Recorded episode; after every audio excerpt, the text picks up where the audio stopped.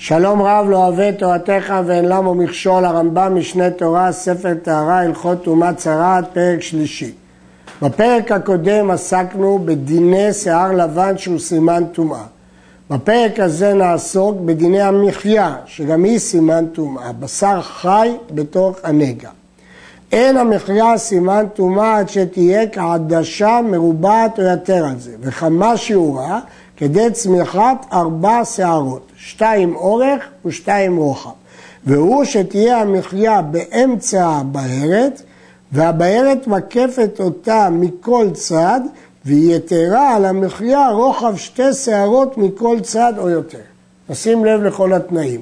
יש לנו בהרת מרובעת, בתוכה מחיה בגודל עדשה מרובעת ארבע שערות מרובעות, שתיים על שתיים, הבארת מקפת אותה מכל צד, ויתרה על המחיה רוחב של שתי שערות מכל צד או יותר. אבל אם הייתה המחיה בצד הבארת, אינה סימן טומאה.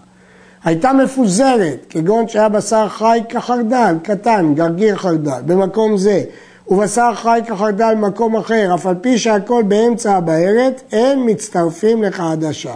עד שיהיה במקום אחד באמצע הבארת, כעדשה מרובה או יותר.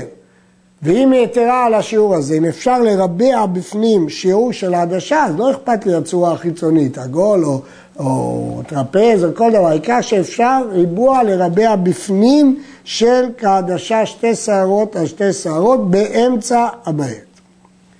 המחיה מטמאה בכל מראה, בין שהיה מראה המחיה אדום או שחור או לבן, והוא שלא יהיה הלובן מארבע מראות שביארנו. כלומר, המחיה יכולה להיות בכל צבע, אבל לא בצבע של ארבע מראות, כי אז זה חלק מהשאת והבארת, היא לא בולטת כמחיה.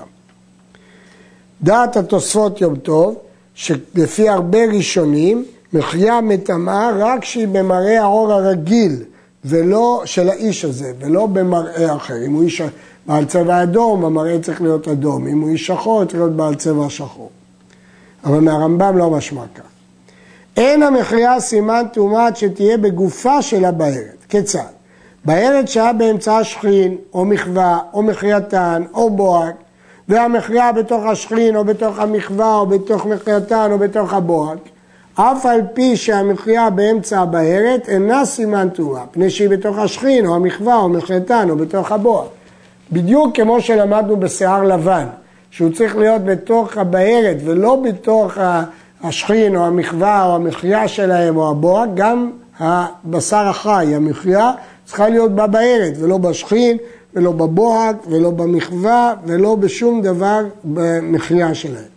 וכן אם הקיף השכין או מחייתו והמחווה או מחייתה והבוהק או המחיה או שנסמך אחד מהם למחיה מצידה או שחלק אחד מהם את המחיה ונכנס לתוכה אינה סימן טומאה. והרי זו כבארת שאין בה סימן ויסגיר כל זה בדיוק כמו שלמדנו בשיער לבן הלכו להם השכין או המחווה או הבור כשהיו תחת המחווה, או שהיו בצידה, או שהיו מקיפים אותה, שנכנסים לתוכה ונמצאת המחווה לבדה בתוך הבעד בסוף שבוע הראשון, בסוף שבוע שני, הרי זה יחליט, כי הם הלכו ועכשיו היא נמצאת בגוף הבעד. ואם לא הלכו להם, לפתור. המחיה סימן טומאה לעולם. פה הדין שונה מהשיער הלבן. בשיער לבן אמרנו שהוא מטמא רק אם הבארת הפכה אותו ללבן. במחיה זה לא כך. בין שקדמה המחיה את הבארת, בין שקדמה הבארת את המחיה, לפי שלא נאמר בה והיא הפכה. זה שנאמר בתורה והיא הפכה שיער לבן, מחיית בשר חי בשאת. אינו צריך לשניהם, לשיער ולמחיה. כל אחד מהם סימן טומאה. כלומר, יש והיא הפכה שיער לבן, זה סימן טומאה אחד, ושם צריך שהבארת תקדם לשיער לבן. הסימן השני הוא עצמאי, או, אבל פה זה כמו או. או מחיית בשר חי בשאת, ופה לא משנה מה היה קודם. ולא נאמר שיבה לבן עם המחייה, אלא ליתן שיעור למחייה שתהיה כדי לקבל שיער לבן שהוא שתי שערות. מה שהתורה הצמידה את השיער לבן למחייה זה רק כדי ללמד אותנו מהו שיעור המחייה, שהוא שתי שערות, המקום של השיער הלבן. בהרת כגריס מצומצם, ובאמצעה מחיה כעדשה מצומצמת, הרי זה מוחלט. כיוון שיש לנו את השיעור של הגריז ואין לנו שיעור של כעדשה, הוא טמא. נטמעתה הבארת, או שנטמעתה המחיה טהור, כי עכשיו אין שיעור. וכן אם רבתה המחיה שבתוך בארת זו, טהור, שאין הבארת מטמאה במחיה, עד שתהיה יתרה למחיה רוחב שתי שערות מכל צד. הייתה המחיה פחותה מכעדשה, ורבת המחיה עד שנעשית כעדשה, הרי זה מוחלט, כי עכשיו היא הגיעה לשיעור. נטמעתה המחיה ממה שהייתה, או שהלכה לה, הרי זה כמות שהיה, ואין כאן סימן טומאה. המחיה נטמעתה ממה שהייתה והלכה לה, אז זה כמות שהיה, אין כאן סימן טומאה, זה לא טהרה גמורה, אלא יסגיר את הנגע. כלומר, היא לא טהורה, אלא יסגיר את הנגע. הלכה ו' בארת יתרה מכגריס, ובה במחיה יתרה מקדשה, וברבו או שנטמעתו, טמא, כי יש הרבה שיעור. ובלבד שלא תתמעט הבארת מכגריס, ולא תתמעט המחיה מקדשה, ולא תקרב המחיה לסוף הבארת בפחות מכדי שמיכת שתי שערות, כמו שבאנו. לכן ההלכה הזאת פשוטה, צריך תמיד שיהיה שיעור לבארת כגריס, שזה 36, 6 על 6, תמיד שיעור למחיה כעדשה, שזה 2 על 2 מרובע, ושיהיה הפרש ביניהם מקום שתי שערות. בארת כגריס, ובשר חי כעדשה או יותר מקיף אותה מבחוץ, ובארת שנייה מקפת את הבשר החי, הרי הבשר החי, הרי הבארת הפנימית להסגיר, שהרי אין בה סימן טומאה, אין בתוכה לא שיער לבן ולא מחיה. ובארת החיצונה להחליט כי היא מקיפה את המחיה, שהרי המחיה באמצעה. נתמעט הבשר החי שביניהם, או שהלך כולו, בין שהיה מתמעט וכלה מבפנים, בין שהיה מתמעט מבחוץ, הרי שתיהן כבארת אחת שאין בה סימן טומאה. אין בה לא שיער ולא מחיה, כי אין בזה כשיעור, וגם זה לא פסיון, כי אין הנגע פוסל לתוכו. הלכה ח' בארץ שהייתה בראש עבר מן האיברים והמחיה באמצע הבארת בראש האיבר אינה סימן טומאה, פני שהמחיה חולקת את הנגע ונמצא מקצתו שופע ויורד מכאן ומקצתו שופע ויורד מכאן. ונאמר בנגעים וראהו הכהן שיהיה הנגע כולו כאחד, צריך שהנגע יהיה יחד.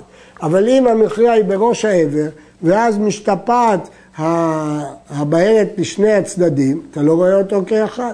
ואלו הם ראשי איברים שאינם מתאמים במחיה, ראשי אצבעות ידיים ורגליים, וראשי אוזניים, וראש החותם, וראש העטרה, וראשי הדדים שבאישה, כל אלה יש להם צורה אלכסונית, שאם המחיה בראש, אז הבארת מתפצלת לשניים. אבל ראשי הדדים של האיש, והיבולת והדלדולים, זה חתיכות עור ובשר שנספחות לגוף, מטמאים במחיה. בפירוש המשנה, הרמב"ם הרחיב בביאור דין זה, שהנגע צריך שיהיה בשטח אחד כדי שיזכור הכהן כולו בראייה אחת. ואם היה הנגע באחד מראשי האיברים הללו ומחיה בקצה העבר, הרי הוא נחלק בשני שטחים מפני שהקצוות האלה נוטים לעיגול, ראש האצבעות וכדומה. ולפיכך אם היה נגע באחד מן האיברים הללו מחיה בקצהו, אינו מטמא, אף על פי שהמחיה בתוך הנגע, כי רואים אותם כאילו מחולקים לשניים. הרעב"ד משיג, חולק ומסביר באופן אחר את uh, הדבר. אמרנו דלדולים, הרמב"ם מסביר בפירוש המשנה, הבשר המדולדל כגון נפיחויות, הרכות והמורסות. כל ראשי איברים אלו שהיה מקומן יושב כגריס, מטמאים בנגעים. אם הם לא עגולים, אלא הם רובעים, אז אין בעיה, כי הם לא מתחלקים. אבל אם היו עגולים כרוב בריאת בני אדם, טהורים. כיצד? בארץ כגריס בראש חותמו, בראש אצבעו, ושופעת הלך ואילך טהור, שנאמר וראו הכהן עד שירה כולו כאחד. כלומר, כאן אין מחיה שחולקת את זה לשניים, אבל הבארת עצמה נמצאת בראש השיפוע. אז היא מחולקת מעצמה לשניים, ואי אפשר לראות את כולה כאחד, ולכן היא טהורה. עד כאן.